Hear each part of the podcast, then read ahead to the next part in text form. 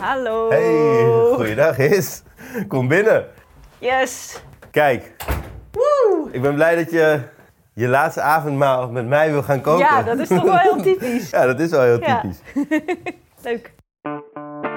Hiske Versprillen is misschien wel de meest bevreesde en beroemdste culinaire recensent van Nederland. Met haar scherpe pen beoordeelt ze voor de Volkskrant restaurants. Ook maakte ze de podcast Chef, een van de leukste culinaire podcasts die jullie in deze feed kunnen terugluisteren. Alle afleveringen staan gewoon nog online. Ik ken haar al jaren, heb vaak met haar getafeld en ik vind het een gek idee dat we haar laatste avondmaal gaan koken.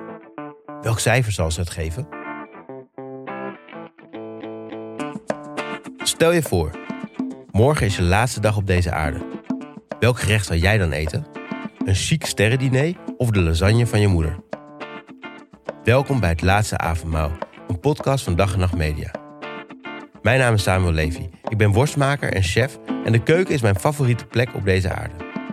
Niet alleen kook je de mooiste gerechten, het is ook dé plek voor goede gesprekken. Roerend in een pan met een glas wijn in de hand leer je je vrienden pas echt goed kennen. In het laatste avondmaal nodig ik culinaire vrienden bij mij thuis uit. We koken samen hun favoriete gerecht. Is het een klassieker of een eigen creatie? Biedt het troost of juist veel geluk? Kortom, ik vraag ze het schort van het lijf. Aan het einde van iedere aflevering staat er niet alleen een verrukkelijke maaltijd op tafel, maar heb jij als luisteraar ook de nodige kooktips, keukenhandigheidjes en levenslessen op zak. Het recept van dit laatste avondmaal vind je op mijn Instagram en op vriendvandeshow.nl slash laatste avondmaal. Nu, chop chop de keuken in.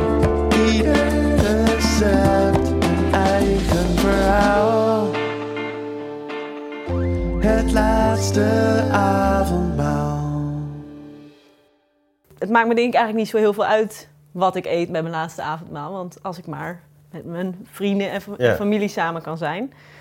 En het hele idee van je eigen dood is natuurlijk altijd een soort hele vervelende gedachte. Vond je het ook confronterend toen ik het vroeg?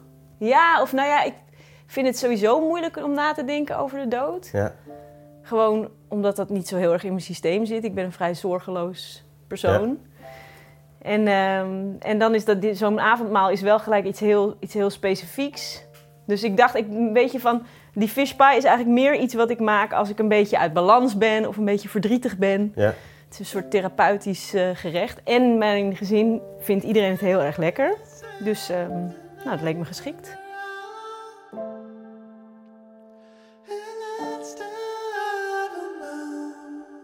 We gaan dus fishpie maken.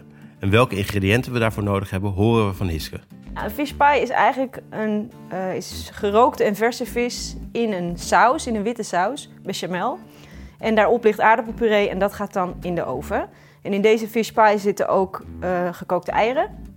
En eigenlijk is het hoofdingrediënt van de fish pie is de melk. Ja.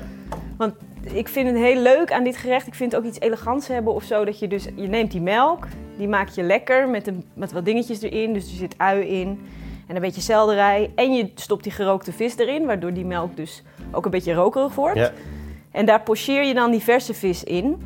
Ehm, dus dat is al een tweede functie van de melk. En je maakt dus de saus daarvan. Met de vis erin en, eh, en de eieren erin. Dus de melk is heel belangrijk. En we hebben dan hier dus eh haddock. Ja. Echt onmogelijk om te vinden Ja. in Amsterdam. Ja, het is echt heel Brits. hè. Het is gerookte schelvis. Ja, gerookte schelvis dus. Die heb ik uiteindelijk bij Frank Smokehouse eh, in Amsterdam-Oost gevonden. Die heeft die speciaal voor deze podcast gemaakt. Je kunt daar ook voor gerookte haring gebruiken als je niet iets anders kan vinden. Verder gaat in deze vispijs verse vis. Eh, Hiske wilde eigenlijk schelvis gebruiken. Die kon ik niet vinden, dus ik heb verse kabeljauw gebruikt. Er gaan aardappelen, eieren, melk, uitjes, selderij en wat laurier in. Het is een, ehm, een recept van eh, Margot Henderson, van Ja. een eh, Britse chef. En eh, zij maakt het met allemaal eh, schelvis, dus met gerookte schelvis en verse. En ik maak het thuis eigenlijk. Het is dus voor mij echt een soort troostgerecht. Dus ik, ik vind het ook fijn dat ik het meestal kan maken met wat ik al in huis heb. En ik heb altijd vis in de vriezer. Ja. En ik bewaar ook, als ik bijvoorbeeld een gerookte makreel heb gekocht, bewaar ik die, die vellen ook in de vriezer. Dus ik maak het ook wel eens gewoon zonder gerookte vis, maar Ja. gewoon met die melk en dan met wat vellen Ja. erin. Ja. Dus dat, is, dat maakt het ook gewoon een heel fijn, ehm, een fi- fijn gerecht om te maken. Ehm, even kijken hoor. Dus we hebben die vis, verse kabeljauw en gerookte schelvis. Ja. Dan hebben we wat dingen nodig om die melk dus lekker te maken. En ik doe dat meestal met sowieso laurier. Dat heb ik in de tuin staan. Die moet ik zo even gaan pakken dan. Super. Ja. Eh, zwarte peperkorrels. Selderij is ook lekker erin. Nog iets anders. Een uitje. Ja, hebben we ook. Super. En daar maken we dan daarna een, eh, een witte saus mee, een bechamelsaus. Een heleboel aardappelen. Ja. En bechamel maak je met een roux, hè? dus dat maak je met gelijke delen boter en bloem. Ja. En, dan dus, en dan dus onze lekkere melk. En ehm, nou, dan gaan dan die, die, die, die vis en die ding... Oh ja, eieren hebben we dus nodig. Ja, hebben we ook. Gaan we, gaan we hard koken, niet te hard. Ja, maar die gaan er hard gekookt in, hè? Ja, nou, ik kook Zes ze niet eieren helemaal hard. Ja, het, het, ik heb dus een van mijn ke- keukentrucs waar ik me een beetje voor schaam. Ja. Maar die ik dus wel ongeveer dadelijk, dagelijks toepas, is dat ik eieren kook in mijn waterkoker. Oh ja. Kijk. Ja, dat, is, dat deden we altijd op kantoor. Ja, Gewoon, en dan, dan kan je ook meteen thee maken. ja, dan kan je, ja er zit soms een wit stukje in. Maar goed, die, nee, maar dat is dus handig, want die slaat af. Precies, die en dan laat je laat ze er nog even in leggen. Ja, en dan zijn ze dus precies goed. Maar dat, ik zal jouw wa- waterkoker er niet aan blootstellen. We, kunnen hebben het geen gewoon... waterkoker. Oh ja. Maar we hebben wel water en we hebben een vuurtje, dus dat komt goed. Nou, en dan dus aardappels. Ja, daar maken we dan puree van. Hè? Lekker Ja. met een beetje boter en ook een beetje melk. En dat gaat er dan op. Ja. En dan gaat het in de oven. En ik maak het dus ook wel eens, want ik woon dus met een Brit samen... die dus erg dol is op dit gerecht. Die vindt het ook lekker om er eigenlijk nog kaas overheen te doen. Maar goed, laten we dat nu niet doen. Nee. Oké, ik ga dan ik ga zo even laurier pakken. Yes. De oven aan, denk ik, hè? Ja. Wat heb je nodig qua materiaal? Eigenlijk niet zoveel, hè? Een pannetje om zodat ik die vis in te pocheren. ja, we hebben een, een soort van weidepan nodig om die vis in te pocheren. We hebben een, eh, gewoon een kookpannetje nodig om de aardappels in te koken. Dat kunnen we ook meteen gaan doen. Misschien Ja. dat jij die zo kan gaan schillen. Oven aan. Yes. Wat eh, doen we? 180 graden? Ja, dat is goed. Ik ga deze melk even in... eh, ja, die ervoor bedacht, hè? Ja. Ik heb eh, dus een paar van die stukjes... eh, Ja. Dit gooi ik er gewoon in. Dat gaan we ook niet opeten, dus Ja, dus gaat het wat, is voor de smaak. wat Gewoon bleekselderij grof, wat een beetje gekneusd erin. Wil je een snijplank? graag. En vertel me wat ik moet doen, hè? Dus Nou, misschien kan jij de aardappels even schillen. aardappelschillen, ja, Wil je top, zeker. Dan gaan we die opzetten, want eh, die vis is vrij snel klaar. En zal ik de vis fileren?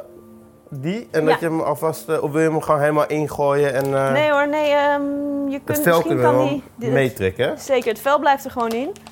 Ik doe een halve ui, heb ik gewoon in een paar blokjes en die doe ik erin. Ja, dus die gaat in de melk. In de melk. Zal ik hem aanzetten? Ja, doe maar. Wat wil je? Gewoon eh, in stukken, kleine stukjes, blokjes, roep maar. Doe maar in, nee, doe maar gewoon in tweeën.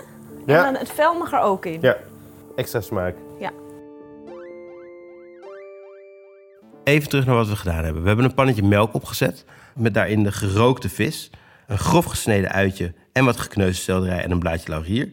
En ik kreeg de nobele taak om alvast de aardappelen te schillen. Hé, hey, maar je, je zei inderdaad vrij zorgeloos. Maar afgelopen jaar was natuurlijk een gek jaar voor jou. Als iemand die schrijft over restaurants. Ja, Ik ja. kan me voorstellen dat het geen zorgeloos jaar is geweest. Ja, ja nou, het is voor, denk ik vooral voor de restaurant zelf echt een heel eh, zorg, hoe noem je dat? Een zorgelijk jaar Ja. geweest. En ik heb zelf wel gewoon doorgeschreven voor het, voor het magazine. Ja. Maar ik mis de recensies wel. ja. Maar ik vond het ook wel heel moeilijk, want ik ben dus na de zomer wel weer begonnen met die recensies, terwijl we dus nog wel midden in de coronacrisis zaten. En dat vond ik ook moeilijk. Toen ben ik wel gestopt met cijfers geven, Ja.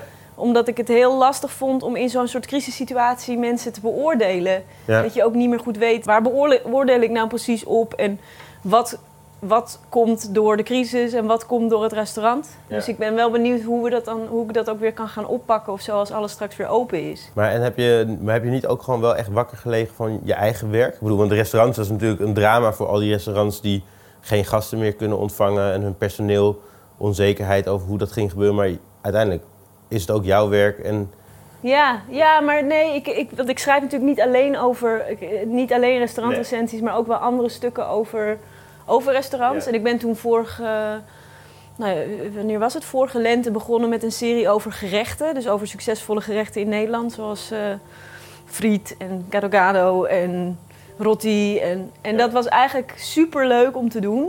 Ik ga trouwens tussendoor aardappels schillen, want die Ja. taak had ik gekregen en anders dan En wordt eh, het waar helemaal staat niks. jouw laurier? Want dan loop ik even Oh ja, die tuin. staat, kijk, in de tuin, ik zal je even, als je onder de conifeer staat er een... eh, Onder de conifeer. Oh, een hele grote conifeer staat ja, een heel, hele grote conifeer en een heel klein laurierplantje. Ik ga even de gigantische tuin van Samuel Levy door, dus ik ben over een half uur We zien je terug. straks! Ik loop even de oprit af. Ik kan hem dus niet vinden. Oh, kijk, daar. Oh, een hele gezonde laurier ook nog. Mijn eigen laurier is dus deze winter een beetje zielig geworden, omdat ik het dus overal ingooi. Ja, Maar jij hebt een hele hij is vrij- wel vrij levens, levendig. levenslustige Hij is laurier. wel heel klein. Ik heb hem vorig jaar van de, zeg maar van de ene kant naar de andere kant van de tuin verhuisd. Omdat hij maar niet groter werd. En sinds ik hem op de slechtste plek in de tuin heb gezet, is Ja. hij gaan groeien. Dus Ja. ik weet niet wat er... eh, Ja, dat, daar houden ze van. Hey, heb je eh, zwarte peperkools? Yes. Want dat vind ik ook altijd heel lekker om... eh, Het ruikt ook heel lekker hier, hè? Het ja, ruikt... Die gerookte vis, die heeft echt een hele lekkere ja, dat is echt heel fijn. geur. Nou, en dat vind ik dus, ja, wat ik net al zei. Hè? Ik ben gewoon heel blij met zo'n gerecht waar dan... Zo, waar je dus, nou ja, alles eigenlijk een beetje in elkaar kookt. Ja. En eh, wat dan allemaal bij elkaar lekker wordt. ja, want je zei inderdaad, het is een soort van comfort food. Ja, ja. Dat, Wat, wat, wa- wanneer is eten comfort food? Voor jou? Ik bedoel, dat is natuurlijk een... eh, Nou ja, ik hou wel heel erg van dingen uit de oven die je gewoon kan scheppen. ja? Dat, dat reken ik wel tot, eh, tot comfortfood. Ja. En, eh en eh bechamelsaus is natuurlijk heel erg comfortabel. Dat is bijna een soort moeder... Alles wat op lasagne lijkt. Ben je een soort moedermelk, zeg maar. Ja. Denk ik altijd. En ehm, allerlei soorten pies vind ik sowieso wel heel lekker. Maar dat komt misschien ook omdat wij dat thuis echt eten als, ja. als zodanig. Maar jij hebt dus ook gekookt? Ja, ik denk dat ik begon toen ik eh 17 of 18 was, denk ik. Ja? Toen werkte ik, eh, ik werkte wel al sinds ik jaren 15 was, werkte ik in de horeca. Dus achter de bar en op en terras lopen en zo. Ja. En ik werkte toen bij een soort eh pannenkoekenhuisje in de Duinen. Mijn ouders die eh, wonen in Overveen. Ja. Nou ja, en dat was dan gewoon cappuccino's rond op het terras en zo. En toen kwam op een gegeven moment kwam er een nieuwe chef. En die ging dat hele restaurant op de schop gooien en allemaal chique dingen doen. En toen was het opeens geen pannenkoekenhuisje nee, meer. toen was het ineens geen pannenkoekenhuisje meer. En toen ben ik daar dus eigenlijk sla gaan wassen in de keuken. En die chef was Mochiek, Ja, moest toch? Rot. Ja. En, eh, en het grappige was ook, want ik had dus op een gegeven moment besloten van oké, eh, toen studeerde ik al en dat ging niet zo goed. Dan had ik besloten, nou dan ga ik een jaar fulltime koken. Dan had ik ook tegen Moshik gezegd van dan ga ik een jaar voor je werken. En toen werkte ik er twee weken en toen kreeg hij Michelinster. dat was heel bizar. Heel gek. Maar dat is best wel echt wel snel, toch? Ja, ja, ja, zeker. Maar het is ook wel grappig als ik nu terugdenk aan hoe... Want dat was dan dus in 2002, denk ik. Ja. 2003. En, Mo- en was heel erg bezig met die eh, moleculaire keuken en zo. Dus we hadden echt zoveel van die dingen met... ehm, we- dan hadden we vier kiddes. vier kiddes. Eén met een soort worstmoes. Ja. Eén met aardappelmoes. één met uienmoes en één met wortelmoes. En dan hadden we zo'n soort van steker met een kruis erin. En dan in elk kantje moest je dan één zo'n moesje spuiten. En dan brachten we het naar tafel en dan zeiden we... Gedeconstrueerde hutspot. En dat vonden mensen toen heel cool ja, dat vonden mensen echt te gek. Inmiddels is dat volgens mij niet helemaal meer Nee, het is niet helemaal meer aan vogue. Kijk, dat, eh, oh, kijk, je hebt hier in ieder geval deze is- vis is schoon, de kabeljauw. En die ga ik straks eh, bij de melk doen. Ja, die hoeft dus wat minder lang. Die doe je er later in, die verse kabeljauw. Ja, precies. Want je wil dus eerst die melk lekker een smaakje geven. Ik zet Ja. het vuur nu ook laag, want je ziet dat die melk nu eh, best wel heet is. Ja, dus we hebben nu op het vuur staan de eieren die aan het koken zijn. Ja. De melk met daarin bleekselderij, laurier, Een uitje uitjes en die gerookte vis. En, dat, en daar komt die lekkere geur vandaan. Ja, je ruikt Ik- ook heel erg die laurier, hè? Ja, ik doe de aardappelen in de... Ja, ja, ja, zeker. Zo snel als je kan. Ja, die aardappels staan Ja, die eigenlijk, nu- misschien nog wel het onze- langst. Precies, dat, daar hadden we eigenlijk gewoon mee moeten beginnen natuurlijk. Wat zout in het water.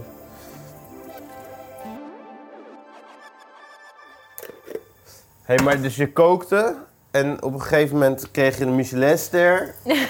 Eh, eigenlijk al, je was eigenlijk de afwasser die twee weken kookte en een, Ja, en een ster kreeg. Ja, precies, ja. ja. Eh, En, maar, en hoe ben je dan terechtgekomen bij het schrijven voor... Ja, ik, ik, ik, ik zie jou nu wel als gewoon misschien wel de culinair recensent van Nederland. Want je schrijft voor de, een van de grote kranten. Ja, dat is ook wel Ehm, raar, hè? Ja, hoe- dat, dat, dus je bent toch best wel snel... Nou ja, ik, ik, ik, die keuken was voor mij altijd een soort van bijbaan en iets wat ik ook wel een paar keer een tijd fulltime heb gehad, maar waar ik na een tijd dan ook wel weer genoeg van had of zo. Ja. Ja, ik ben altijd heel veel bezig geweest met schrijven, al sinds ik heel klein was. Dus dat, dat was wel altijd een beetje het doel. Ja. En ik heb filosofie gestudeerd, dus daar moet je ook veel bij, bij schrijven. En daarnaast vond ik dat koken gewoon heel erg te gek. Want is dat waar je ook echt leerde schrijven? Ehm, ik heb op een gegeven moment be- ben ik de journalistiekopleiding gaan doen in, in Rotterdam. En dat is wel waar ik echt een soort van het krantenvak heb geleerd. Ja. Dus, dus vijf maanden lang zit je eigenlijk krantjes te maken, nepkrantjes te maken in Rotterdam. Wel heel leuk. En dan daarna zitten, is er een sta heel leuk en super leerzaam. Gewoon heel veel stukjes tikken. Ja. En daarna eh, heb je een stage. En toen ben ik dus stage gaan lopen bij het Parool, drie Ja. maanden. En dat was meteen echt een mega klik. Ik vond het dus zo leuk. En ik heb toen echt gewoon drie maanden ook niet geslapen ongeveer. Omdat ik alleen maar wilde werken. Ja. En zij vonden mij heel goed en ik vond het daar heel leuk. Dus toen ben ik daar blijven hangen eigenlijk. Ja. Schreef je toen ook al voor het parool over eten? Nou, ja, even denken. Tijdens mijn stage heb ik wel een paar stukjes over eten geschreven. Onder andere over jullie. Over Brand de? Ja. Ja, ik zat te denken, was dat voor Hard Hoofd? Nee, of nee, voor nee. het parool? Voor het parool. Ik ga Oh de ja, jij bent toen komen, toen wij een keer met Hisk, met, eh, toen wij een keer met, Met Dini en Floris bij restaurant As bezig As. waren. Toen ben jij Ja, dat was tijdens mijn stage. Daar, Ja. daar heb ik toen over geschreven. Nou ja, en de, de, de, de- er was ineens, ineens was er rollende keukens. Ineens waren jullie er met die worsten. Ineens Ja, een had iedere hipster en zijn moeder Amsterdam. had en er waren buiten feestjes en eh, weet eh, underground boerenmarkt Ja. en weet ik veel wat.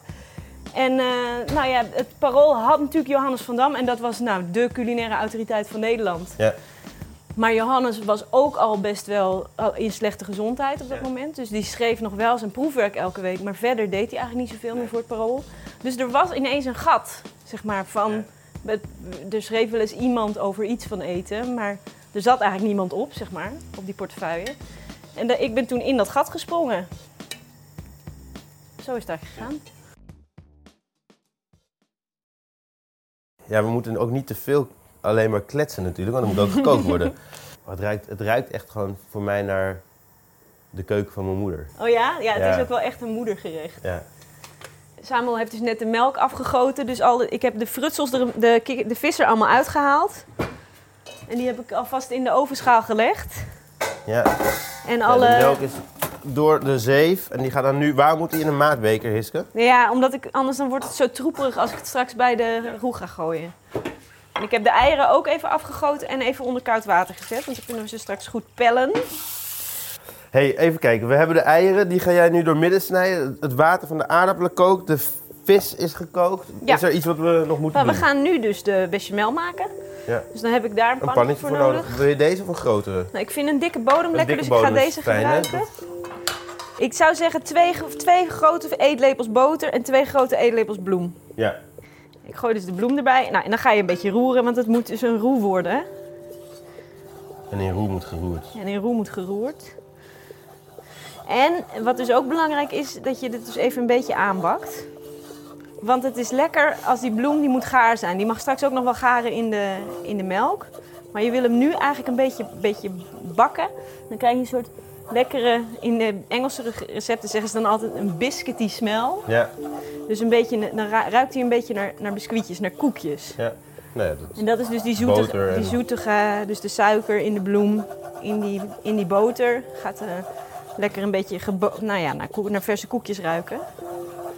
En als dat dan zover is, dan gaan we de, eh, de melk erbij doen. Hey, en als je nu, we zijn nu bezig. Ja. We zijn halverwege je laatste avondmaal. Ja. Althans, het koken van je laatste avondmaal. Ja, ja. Heb je al second thoughts? Zou je misschien toch iets anders willen eten? Of ga je, is dit wel gewoon helemaal oké? Nou, ik ben hier wel blij mee. Ik vind het vooral... Kijk, het, is, het kookproces van zoiets als dit is ook gewoon zo fijn. Omdat je echt iets maakt. Het verandert echt van vorm. Het verandert van structuur. Ja. En het is van heel eenvoudige ingrediënten. Dus ik vind dat echt voor een laatste avondmaal vind ik het eigenlijk ideaal. En die bechamel, want kijk, die bechamel gaat dan je eigenlijk onder de puree. Jazeker. Toch? Ja, ja, dus ja. je hebt eigenlijk drie lagen, vis en ei, ja. bechamel. Nou, ik doe thuis ook wel af en toe. Kijk, die vis is een, is een beetje gaar. Ja, Dus, ik, dus eh, die, die, ik ga die straks gooi ik de bechamel er gewoon over. ja. Maar ik doe het er ook wel eens doorheen. Zeg maar, als ik een fishpie maak, die je maak kan ik het ook. ook gewoon eh, maar erin gooien. ja, ik kan het er ook ingooien. Ja. Het kan zijn, we hebben natuurlijk de bloem net eh, ge- aangebakken. Ja. En we laten het nu dus ook nog een klein beetje, klein beetje bubbelen. Maar je kan altijd hebben dat die bloem toch nog niet helemaal gaar is. Ja. En dat voel je heel erg in je mond als je een hapje neemt, dat het zo stroef is. Alsof ja, je een boterham met, poederachtige... boterham met zandachtige ervaring. En dat wil je niet. Oké, ik giet de aardappelen af en dan volgens mij... Dan moeten we dus nog een puree maken. Ja, die, die, kan je gewoon, ja die aardappel moet, moet gepureerd worden. We hebben hier kruimige aardappeltjes, die zijn gaar gekookt. Oké, we gaan stampen. Recept een eigen verhaal. Ja, en je kunt hier dus ook echt nog- wel allerlei andere dingen doorheen gooien. Weet je wel, ook, ik heb van alles wel ook hiermee geprobeerd. Met citroenrasp is lekker. Maar ik vind eigenlijk het lekkerste is gewoon echt met niks. gewoon dat je heel goed die lekkere rokerige melk proeft. Ja. En dan eh, eenvoudige aardappelpuree met een beetje uh, nootmuskaat. Eh, ik ga nu de, trouwens, ik, laat- we zijn nog niet klaar daarmee hè? Of wel? Deze is bijna klaar wel. Je klaar? Oké, dan ga ik de, in ieder geval Ik, nu je moet hem even proeven, want ik wil Ja, natuurlijk ik niet dat we straks een flauwe puree hebben en dat jij zegt... Sam, je hebt mijn laatste avondmaaltijd verpest. Kijk, heb je een lepeltje? Dan kunnen we allebei even proeven. Ja. Ik zou bijna zeggen dat er nog een klein beetje melk bij moet. ja, misschien is- wel hè. Hij is vrij dik. Hij is vrij zalvig. Ja, echt zalvig inderdaad, ja. Hey, we hebben aardappel, we hebben een pie. De aardappel moet erop. Ja, de aardappel moet erop, maar dat, dat, moet al, dat is ook weer een beetje een dingetje. Want, eh, nou ja, hoe noem je het ook alweer? De wet van de... Zwaartekracht toch? Nou, ik dacht eigenlijk aan zo'n matras waar je dus aan één kant duwt. Dat, eh, de communicerende ja, vaten ja. of zo. En het is best wel een dikke puree. Ja, je moet uitkijken dat je niet aan de ene kant duwt en dat En er aan dat de er andere dan aan de kant, andere kant... uit ja, precies. vliegt. Is hij is hij oké, de puree? Ja, het mag voor mij er nog een beetje zout bij. Oké, dan doen we dat toch. We zijn nu bijna klaar. We hebben de drie belangrijke onderdelen voor de fishpie klaarstaan. We hebben een heerlijke puree die goed op smaak moet zijn. Je hebt de bechamel waar we ook de verse vis in hebben gepocheerd. En we hebben de gekookte eieren eh, gepeld en gehalveerd. We gaan nu de fishpie afmaken. Je hebt een ovenschaal. En daar doe je onderin de bechamel, daar leg je de eieren op en dan dek je hem af met een laag puree die overal even dik moet zijn. En je moet uitkijken dat je, als je hem aandrukt, fishpie er aan de andere kant van de ovenschaal niet uitschiet. Die zet je in de oven en dan gratineer je hem tot hij mooi knapper van de bovenkant wordt. Lekker. Nou, dan ga ik dus nu met twee lepels. Dit is een beetje mijn truc hiervoor. Ja, oké. Ehm, je hebt dus die puree, die is een beetje harder dan die bechamel. Dat moet ook, want zulke harde bechamel wil je niet. Maar hoe gaan we het nou weer opkrijgen? Nou, mijn truc is dus dat ik allemaal dotjes... Je, kan het ook, je zou het ook met een spuitzak kunnen doen. En dan maak ik van die flupjes. En die leg ik dan zo erop, naast elkaar. Maakt flupjes om ervoor te zorgen dat het een beetje in balans blijft. Ja. Dus dat je niet aan de ene kant de puree hebt Ja, liggen, en- aan de andere kant ja, want die aardappelpuree die zakt er anders in. Nou, en dan, eh, nou ja, dan is het een beetje een invuloefening van overal. En dan straks ga ik het proberen toch nog een klein beetje dicht te metselen. En doe je dan met een vork dat je er, eh, Ja. dat je er een beetje karteltjes in Ja, probeert want, te krijgen? want die karteltjes die worden natuurlijk in de oven. eh, Kijk, ik denk dat dit precies genoeg En is. gaat er dan nog boter of olie overheen? Of is dit... Nou, ik doe, zo, zo- ik doe er dus vaak nog wel een klein beetje boter ook overheen. Kijk, nou, nou zie je dus wel dat het omhoog komt, de onderkant. En dan probeer ik dus voordat die de rand raakt, probeer ik de boel dicht te smeren. Zo. Ik vind het er waanzinnig uitzien. En straks in de oven gaat het dus, dan gaat het bubbelen weer eronder. En dan komt het er ook uit. Dus het is altijd handig om bij zo'n paai om er even een, eh, Overplaatje onder te zetten. ja, of een stukje aluminiumfolie. Want dat gaat zo geheid lekken. Ik denk dat hij een half uurtje in de oven moet. Zoiets. Dat gaat wel goed komen. Oh nee, een beetje boter. Oh, boter. Ja, hallo. Dat is mijn laatste avondmaal. Ja, hè, zeker. Dus Dan dat maakt moeten we ook helemaal niks uit meer. Dus Nee, precies. Ehm, ben jij eigenlijk veel met gezond eten bezig? nee. Ik probeer wel gewoon veel groente en fruit te eten. Ja. Een soort van genoeg groente eten. En, maar nee, ik vind dat, ja, dat is toch een beetje wat als je als, als kok hebt gewerkt. Ja. Ja, dan kan je niet gaan opletten hoeveel boter je in de bechamel doet. Want je wil gewoon de lekkerste bechamel maken. En dat is wel ook een beetje een gevaar. ja, zeker. Want het is restaurant eten. Ja. is natuurlijk iets anders dan thuis eten. Precies. Dus ik heb wel, ik let er als ik zelf kook niet heel bewust op. Maar ik kies er wel echt voor om niet. Dus ik kook ook wel bewust een aantal keer per week dat ik gewoon veel lichter kook. Ja. Maar ik ga niet minder boter in mijn bechamel doen, dan eet ik gewoon geen bechamel. Nee, precies. Ja, dat is misschien de- dat is wel de beste manier. Ja, het is, bij mij is het vooral, ik ben een ontzettende dooreter. Dus als ik iets lekker vind, en dan zeker dit soort dingen. Ja, ik, eet, tot- tot ik, kan gewoon, ja, ik kan gewoon door, net als weet je wel, dus als je als kind dat je pannenkoek gaat eten en dat je op een gegeven moment dat soort dingen, Ja, ja, dat heb dat ik- moment, dat, heb heb ik ik altijd ook. vrij laat. Ja, ik, ik probeer wat dat betreft ook gewoon dus wat minder te koken. Ja. Omdat ik inderdaad ook, als ik kook, ik vind het ook niet chill om het dan de volgende dag nog een soort van kliekje te moeten eten. Dan Ja. eet ik het gewoon op. Ja, ja, ja. Ja, behalve, ja, ik bedoel, als er echt over is, dan eten we het natuurlijk. Maar ik ga niet soort van denken van, oh, ik, er ik kan nog wat opeten, maar ik bewaar het voor morgen. Want als ik nog wat kan opeten, dan e- gaat Mhm. dan het ook eet ik op. het op. Ja, precies. Ja, ik heb dat ook. Zeker als het lekker is. Wat denk jij dat? Want dat vind ik altijd heel interessant om over na. Ben ik ben nu dus voor de Volkskrant, omdat die recensies er niet zijn, bezig met een serie die heet Keukenwijsheid. Ja, En die gaat heel erg over. Omdat ik, het viel mij steeds op van je hebt ontzettend veel recepten. Maar als ik denk aan dingen die ik echt nuttig eh, vind om te leren, ja. eh, dan, dan vind je die niet zo vaak in recepten terug. En wat voor dingen vind je dan nuttig om te leren? Ik schuif hem in de oven. Ja, doe. Nou, bijvoorbeeld eh, hoe je iets lekker maakt. Zout en boter, toch? Ja, en eh, citroen, en een beetje citroensap. Ja. Of weet je wel gewoon van, ik heb best wel, ik, eh, bijvoorbeeld als ik met mijn filosofenvrienden ga eten, heb ik wel een paar keer gehad. Die maken dan, dat zijn allemaal vegetariërs, die maken dan zo'n hele grote pan met eh linzensoep. Ja, En dan zeggen ze, nou, mm, nou, mm, er zit mm, niet zoveel smaak het is aan. niet zo lekker. Ja. Ik weet niet, wat is er aan de hand? Weet je wel? En dat je dan ongezien eigenlijk al kunt zeggen... je moet er een citroen in uitknijpen, er moet een kopje olie in, Ja. sowieso. Een kopje goede olijfolie in Ja. en heel veel zout. Ja. Want eh, je hebt gewoon een pan... Heb jij ook wel dat je Linzen. dan dus de keuken insluipt? Dat heb ik als ik, als ik mijn moeder voor me kook, maar ook als vrienden voor me koken. Dan op een gegeven moment gaan mensen de keuken uit, dan zitten ze echt aan. Ja, dan ga ik de keuken en dan ga ik, dus, stiekem- ja, dan ga ik dus stiekem zout Ja. in het eten doen. En een beetje olijfolie Ja. erbij. Ja. Dat doe je ook. Dat heb ik ook. Ja. Dat doe ik ook, ja. Voel ik me altijd heel schuldig, maar dan weet ik tenminste dat ik lekker eet. Ja, Hey, en is er iets in je leven waar je, wat je over zou willen doen? nou... Ik vind het wel lastig... ehm, even denken, wat ik echt over zou willen doen. Ik, had, ik wil eigenlijk sowieso graag dingen eigenlijk aandachtiger doen.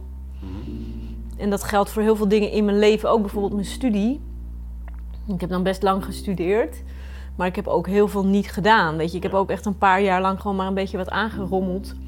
En hetzelfde geldt eigenlijk ook. Weet je, het stom is, je kunt altijd natuurlijk je overal nog wel meer in verdiepen. En ik eh, heb zelf het probleem dat ik het heel moeilijk vind om mezelf intrinsiek in gang te zetten. Dus ik heb altijd heel veel extrinsieke moti- motivatie nodig. Ja. Dus eh, ik heb Deadlines. deadlines. nodig. Ja, ik heb iemand nodig die zegt: eh, kom hup aan het werk. Eh, met sporten, ik doe dan een crossfit. Daar zit echt zo'n klok op. Die zegt wanneer je moet beginnen en wanneer je moet eindigen. Dat heb ik echt nodig, want anders word ik gewoon lui of geïntimideerd. Of... Dus ehm, ik, ik weet dat ik in staat ben om dingen heel aandachtig te doen, omdat ik dat dus voor mijn werk kan. Ja. Zo zie ik jou echt ook als Ja. iemand die dingen heel aandachtig doet. Heel aandachtig en heel eh, thorough, zeg maar. Heel, heel eh, zorgvuldig. Eh, maar ik vind dat dus in mijn ei, als ik dingen voor mezelf doe, vind ik dat moeilijker. Dus ik heb bijvoorbeeld, nou ja, bij mijn studie heb ik dat wel heel erg. Dat ik denk van, nou, daar had ik echt meer uit kunnen halen dan ik gedaan heb. Ook bij het werken in de keuken heb ik ook dat ik bij Toscanini heb gewerkt en bijvoorbeeld nooit heb gezegd van, goh, eh, weet je, ik ga een keer 's ochtends brood bakken met Medina Ja. of ik ga een keer leren pasta maken. Dus dat je heel erg richt op je eigen, op wat je eigenlijk vertelt is dat je moet doen. Dat soort dingen zou ik wel graag nog een keer iets beter willen doen. Maar echt spijt van, die, di- van dingen zelf heb ik niet echt.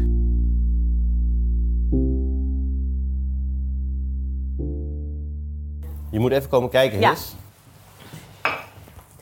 Oh kijk, hij is inderdaad nu lekker aan het overstromen. Die, dus het is heel goed dat je dat plaatje eronder hebt gezet. Ja, ik denk dat het wel klaar is. Ja, hè? Je hebt een beetje lekkere bruine Bruin- randjes. Precies, het kokantje. Hey, hoe Het kan korstje. het zo ook horen als het goed is? Het is een beetje aan het eh, bubbelen. Nou, laten we maar doen, toch? De fishpie heeft er ruim een half uur ingezeten en is goudbruin en knapperig van boven. Hiske kijkt heel tevreden, dus we kunnen aan tafel. Kijk, hoeveel honger heb je? Nou, ik vind dit In ieder geval die perfect. nog wel ja, eens ja, bij, ja, toch? nog een beetje erbij. Oh, ik vind het heel lekker ruiken ook. En wij eten hier dan dus eh doppertjes bij, hè? Ja. En dan moeten dan mushy peas of gewoon gekookte Nee, doppertjes? mushy peas kan ik echt niet aan. Nee? Vind jij dat lekker? Niet echt, nee. Dat zijn eh, gele erwten, hè, maar dan eh, gestampt. En het ziet er echt uit als kots. Ja.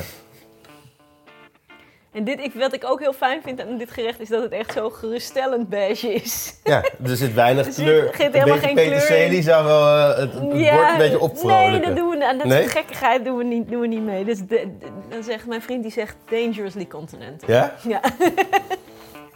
Nou, eet maar. Nou, eet Smaak smakelijk, eten. jongens. Hiske verspillen er. Laatste avondmaaltijd. Mm. Mogen wij nu gewoon meemaken. Kijk, ik ben wel benieuwd hoe jullie mij dan straks over de kling gaan jagen. nou, ik, eh, ik hoop gewoon dat je heel veilig naar huis, huis fietst zo direct. Ja, het is gewoon heel zacht en romig en rokerig. Ja, het is gewoon... Het is echt bijna niet... e- Weet je, als je visgerechten altijd ziet als, als delicate dingetjes met witte wijnsausjes of met citroen. Dit is echt het tegenovergestelde. Dat is echt voedsel waar we straks mee de mijn in kunnen, zeg Ja, maar. zeker. Ja. Of gewoon de zee op. Vind je het lekker? Ik vind het heel lekker. Super lekker. En- Super lekker hoor je dan te zeggen. Nee. Super lekker. De fishpie was echt super lekker. Om eerlijk te zijn ziet het er niet zo heel spannend uit. Omdat alle kleuren eigenlijk een beetje beige, geelachtig zijn door de room en de aardappelen en de vis. Alles heeft een beetje dezelfde kleur. Maar de smaak, wauw, wat een krachtig gerecht. Ik nodig jullie allemaal uit om dit gerecht thuis te gaan maken. En zou het heel tof vinden als jullie me laten weten wat jullie ervan vonden. Deel je foto's met mij op Instagram of laat een reactie achter op vriendvandeshow.nl slash laatste avondmaal. Zo, we hebben het laatste avondmaal overleefd. Dit is een podcast van Dag en Nacht Media. Heb je met plezier naar deze aflevering geluisterd?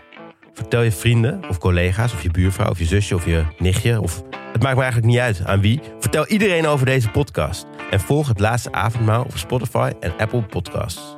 En heb je zin gekregen om het gerecht zelf te gaan koken? Kijk dan op mijn Instagram of op vriendvandeshow.nl slash laatste avondmaal. Daar vind je vanaf nu alle recepten. In de volgende aflevering is een van de beste chefs van Nederland te gast, Jonny Boer. Hij maakt een haantje ingepakt in klei en geroosterd in de oven. Het laatste avondmaal wordt geproduceerd door Volkert Koehoorn. De muziek is van Studio Cloak en ik ben Samuel Levy. Kook voorzichtig! Zeker het leven is meer dan eten en drinken alleen. Maar de reis van het samen bereiden brengt je in vervoering overal heen.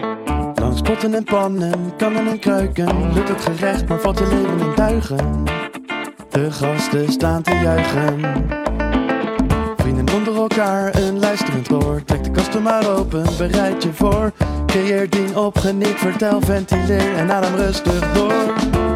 Ieder recept een eigen verhaal.